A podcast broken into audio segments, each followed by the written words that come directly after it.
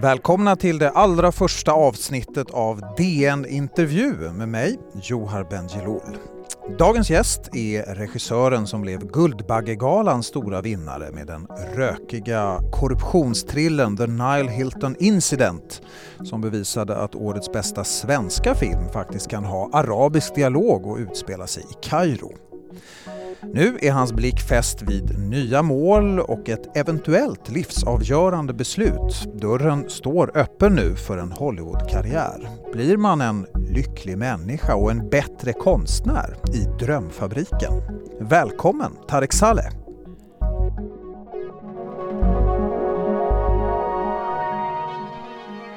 Tack! Om vi börjar från början, du har ju då faktiskt redan gjort din eh, debut i Hollywood i den här HBO-serien Westworld. Det är ett avsnitt som då kommer att visas i maj. Eh, vad var nytt för dig i den upplevelsen? Alltså det var egentligen en konstig upplevelse på det sättet att det var nästan som att det inte var nytt utan att det var som att åka tillbaka i tiden till första gången som jag stod på ett sätt med ett riktigt filmcrew. Det var nästan som att man fick återerövra jobbet igen. För att, jag menar, en av de svåraste sakerna med att jobba på en sån produktion är att jag inte har castat och jag har inte valt eh, de som jobbar med mig. Vilket eh, gör att jag måste vinna dem. Mm, hur går det till? Hur vinner man alla de här kända skådespelarna och erfarna produktionsmänniskorna i teamet? Det, det mitt, alltså det finns säkert hundra sätt att göra det på men mitt sätt är att vara helt ärlig och att vara uppriktig och att försöka att eh, säga precis vad jag tycker. Eh, och att eh, i någon mening också vara beredd att ta en smäll. För att ibland så, jag menar de här skådespelarna har levt med de här rollerna i liksom, ja men i flera år. Alltså, det, jag menar, det tog, eller det tog åtminstone ett år att spela in första säsongen. Så de vet ju vilka de är. De, har, de behöver inte mig för att berätta vilka de är. Vi ska berätta lite för de som inte har sett det. Det här Westworld är då en, en mycket intrikat science fiction-serie om artificiell intelligens i en väldigt avancerad nöjespark med någon slags vilda västern-tema. Det är lite som eh, Jurassic Park men med extremt välgjorda mänskliga robotar då istället för dinosaurier. Eh, en av de stora skillnaderna måste ju ändå vara budgeten. Ja. Ett avsnitt av Westworld, det är, vad är det, 80-100 miljoner kronor per avsnitt. Ja. Det är mycket, mycket mer än du någonsin hanterat. Ja. Vilken, blir, vilken är den största skillnaden när man har en budget av den typen? Ja men det är att eh, du har möjlighet, alltså du måste hela tiden tänka större. Alltså så det var en av de, redan när jag hade varit där i bara några dagar så hade vi ett produktionsmöte där jag blev inkastad i ett rum där det satt 50 personer och det var liksom heads of departments, alltså cheferna över de olika avdelningarna. Så var de 50 högsta cheferna? ja, typ. och där, där satt jag och skulle liksom, och så gick vi igenom hela, hela manuset och där frågade hela tiden, jag fick hela tiden frågan, okej okay, hur många hästar, hur många det, hur många ska vara där? Och jag märkte hela tiden att folk väntade sig mer. Och det, det är ju nytt för att jag är van vid att jobba jag, menar, med, med, jag är ju van vid att ha väldigt tajta restriktioner. Men eh, det går ganska fort att vänja sig vid att ha mycket resurser. Så, liksom, men, men, men, jag ska säga att den andra saken, alltså på ett sätt är mitt jobb exakt samma. Och det är liksom att man går upp väldigt, väldigt tidigt på morgonen eh, och sedan försöker man att varje dag besegra eh, den här eh, stora apparaten. För det är en stor apparat att göra film i Sverige också. Och så försöker du få det till att handla om det som är framför kameran. Och det är, det, det är liksom både lätt och svårt. Man måste hela tiden bara påminna sig om att det blir inte bättre än det som är framför kameran. Och eh, när det står 200 människor bakom kameran och vill ha uppmärksamhet så måste man ibland bara säga så här, nu handlar faktiskt om det vi filmar. Mm. Hur, eh, det brukar vara så rasande hemligt alltid vad sådana här saker innehåller innan det sänds. Eh, vad kan du berätta om handlingen här då? Alltså ingenting, men, men det som jag kan säga är att eh, det är otroligt ambitiöst. Alltså det växer. Så mycket kan jag säga att Westworld första säsong skulle jag nästan beskriva som att det är pilotavsnittet. Alltså hela säsongen. Mm.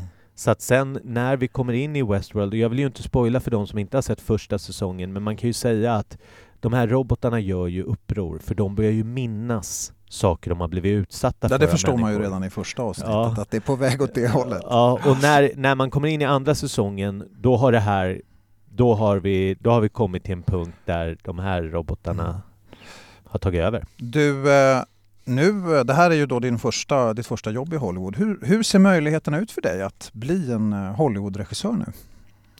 Nej men det, alltså, det är ju det är ju bara att åka dit och börja jobba om, om det är det man vill göra. Ja, vad, vad vill du?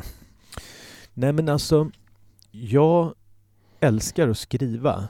Det är egentligen det jag tycker allra mest om. Eh, sen är det så att Eh, så det, för mig så, jag skriver, det är det jag gör varje dag.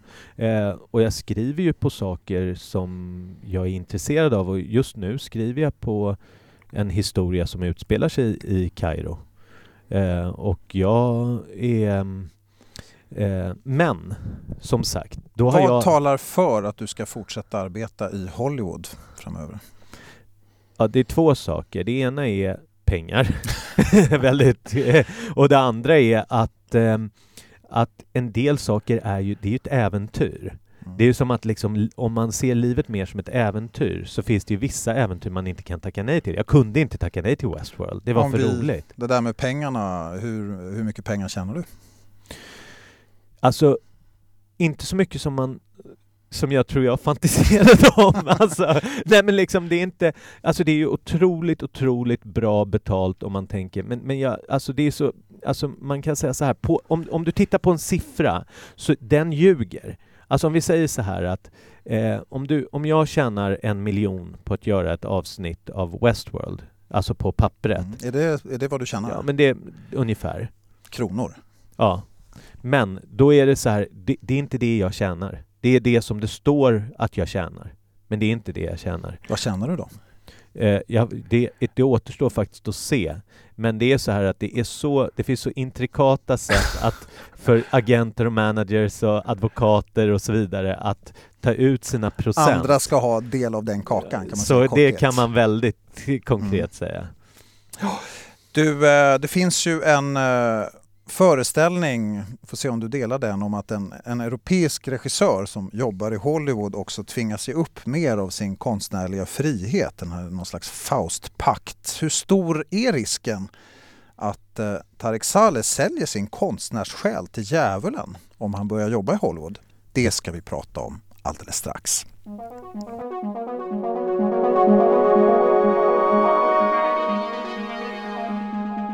Mm poddtips från Podplay. I podden Något Kaiko garanterar östgötarna Brutti och jag, Davva, dig en stor dos skratt. Där följer jag pladask för köttätandet igen. Man är lite som en jävla vampyr. Man har fått lite blodsmak och då måste man ha mer. Udda spaningar, fängslande anekdoter och en och annan arg rant. Jag måste ha mitt kaffe på morgonen för annars är jag ingen trevlig människa. Då är du ingen trevlig människa, punkt. Något Kaiko, hör du på Podplay. Därför är gardinerna. Välkommen tillbaka till DN Intervju, Tarek Saleh. Hej, tack. Ja, vad tror du? Din konstnärliga frihet, hur kommer den att eh, påverkas av att om du väljer att arbeta i Hollywood? Ja men alltså det är ju självklart jättesvårt. Alltså vad, vad, vadå? Det men det är ju svårt här också.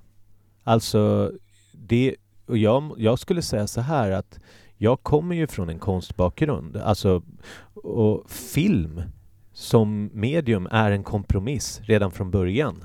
För att du måste förhandla även med, du måste förhandla med ditt crew, du måste förhandla med dina skådespelare och du måste förhandla med pengarna. Men det jag har lärt mig är att ingen vet. Eh, folk är rädda. De flesta är rädda. Och framförallt de med pengarna är rädda. Så att eh, om du är villig att ta, om du är villig att vara ensam så, så kan du få igenom vad som helst, var som helst. Alltså jag menar, jag hade ganska stor konstnärlig frihet på Westworld. Eh, jag skulle säga att eh, många svenska regissörer har mycket mindre konstnärlig frihet än vad jag hade på Westworld. Mm.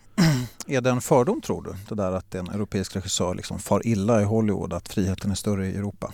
Nej, jag tror att det är jättelätt att bli lurad där. Och jag tror att det framförallt så har ju kontrakten ser ju ut så att det är kanske fem personer i världen som har Final Cut. Så att folk blir ju fråntagna sina filmer. Och Final Cut är den som har det slutgiltiga Ja. avgörandet alltså? Ja, som, så att de klipper om filmerna och de, framförallt lägger de ofta nytt score. Vilket är liksom, om man säger så här att scoret, musiken, i en Musiken film, alltså? ja. det är ju regissörens röst. Så det är ju direkt övergrepp på den konstnärliga friheten. Hur känner du inför det då?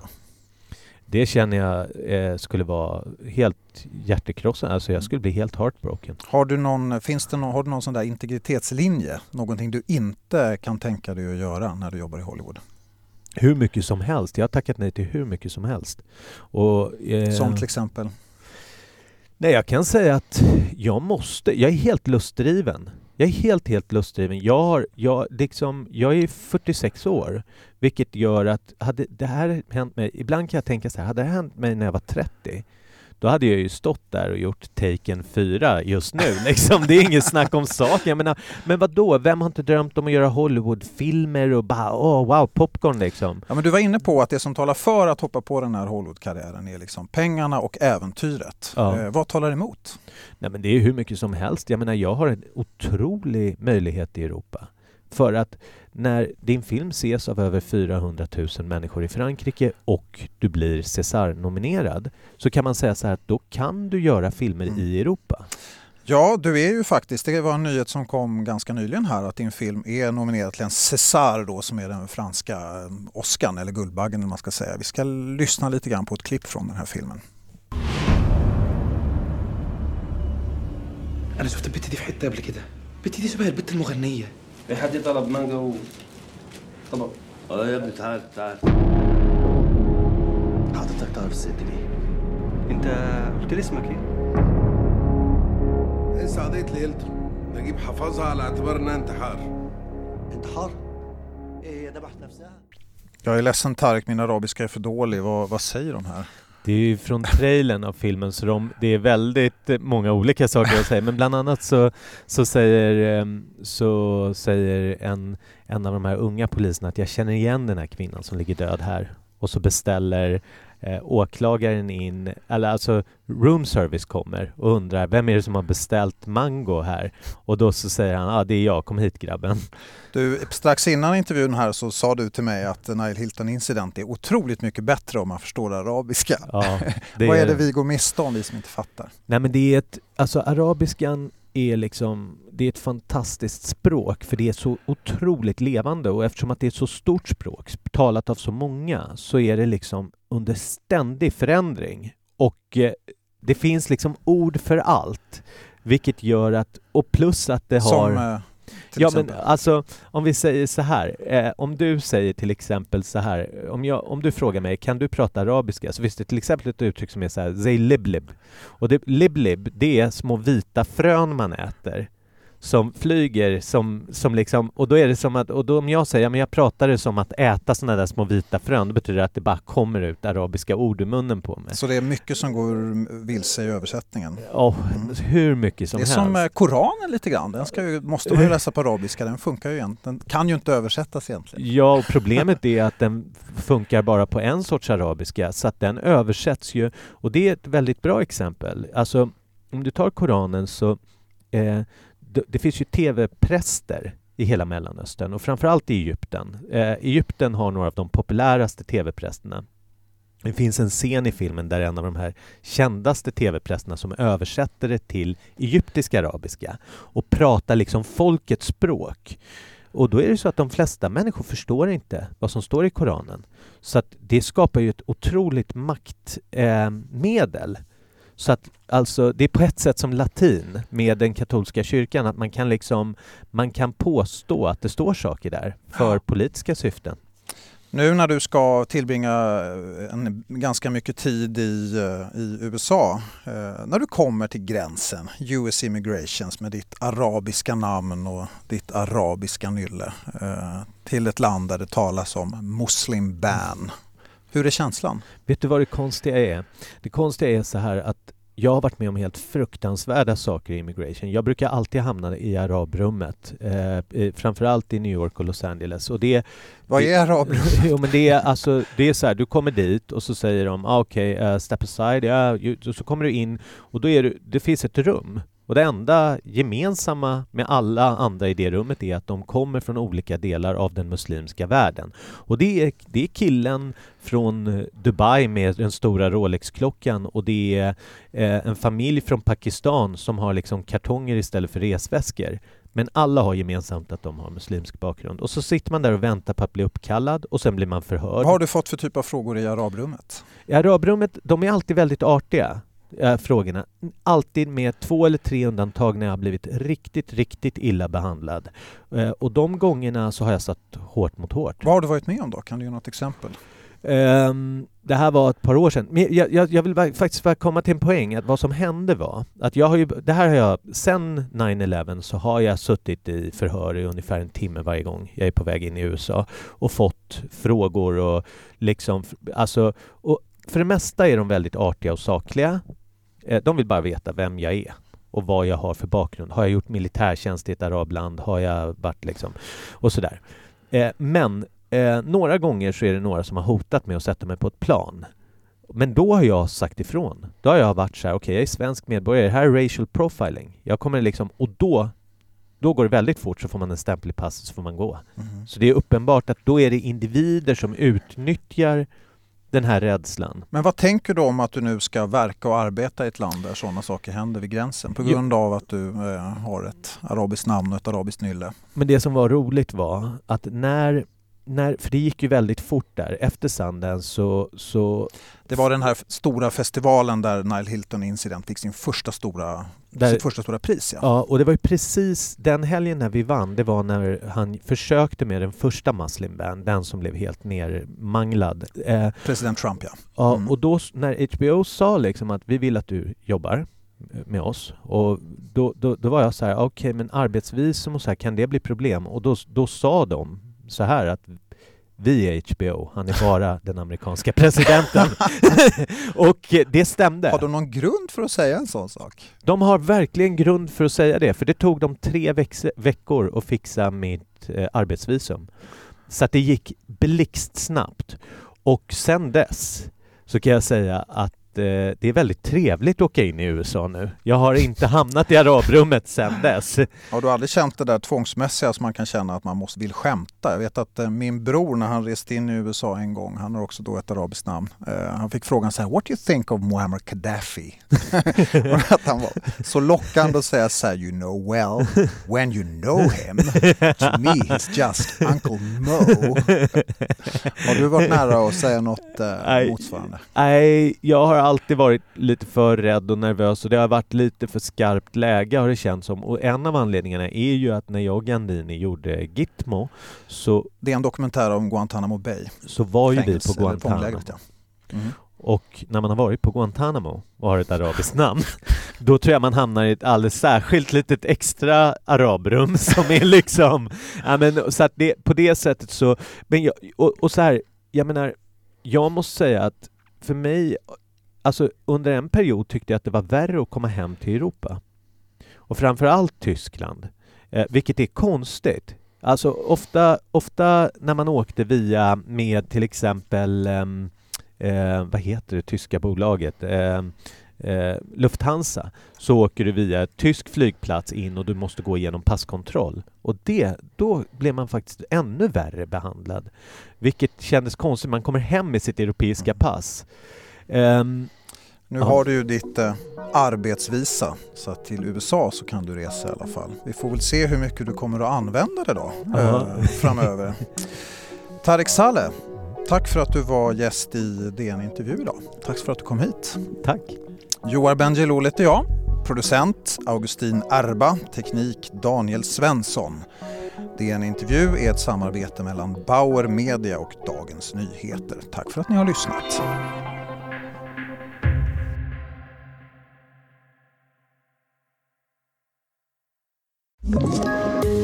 Poddtips från Podplay.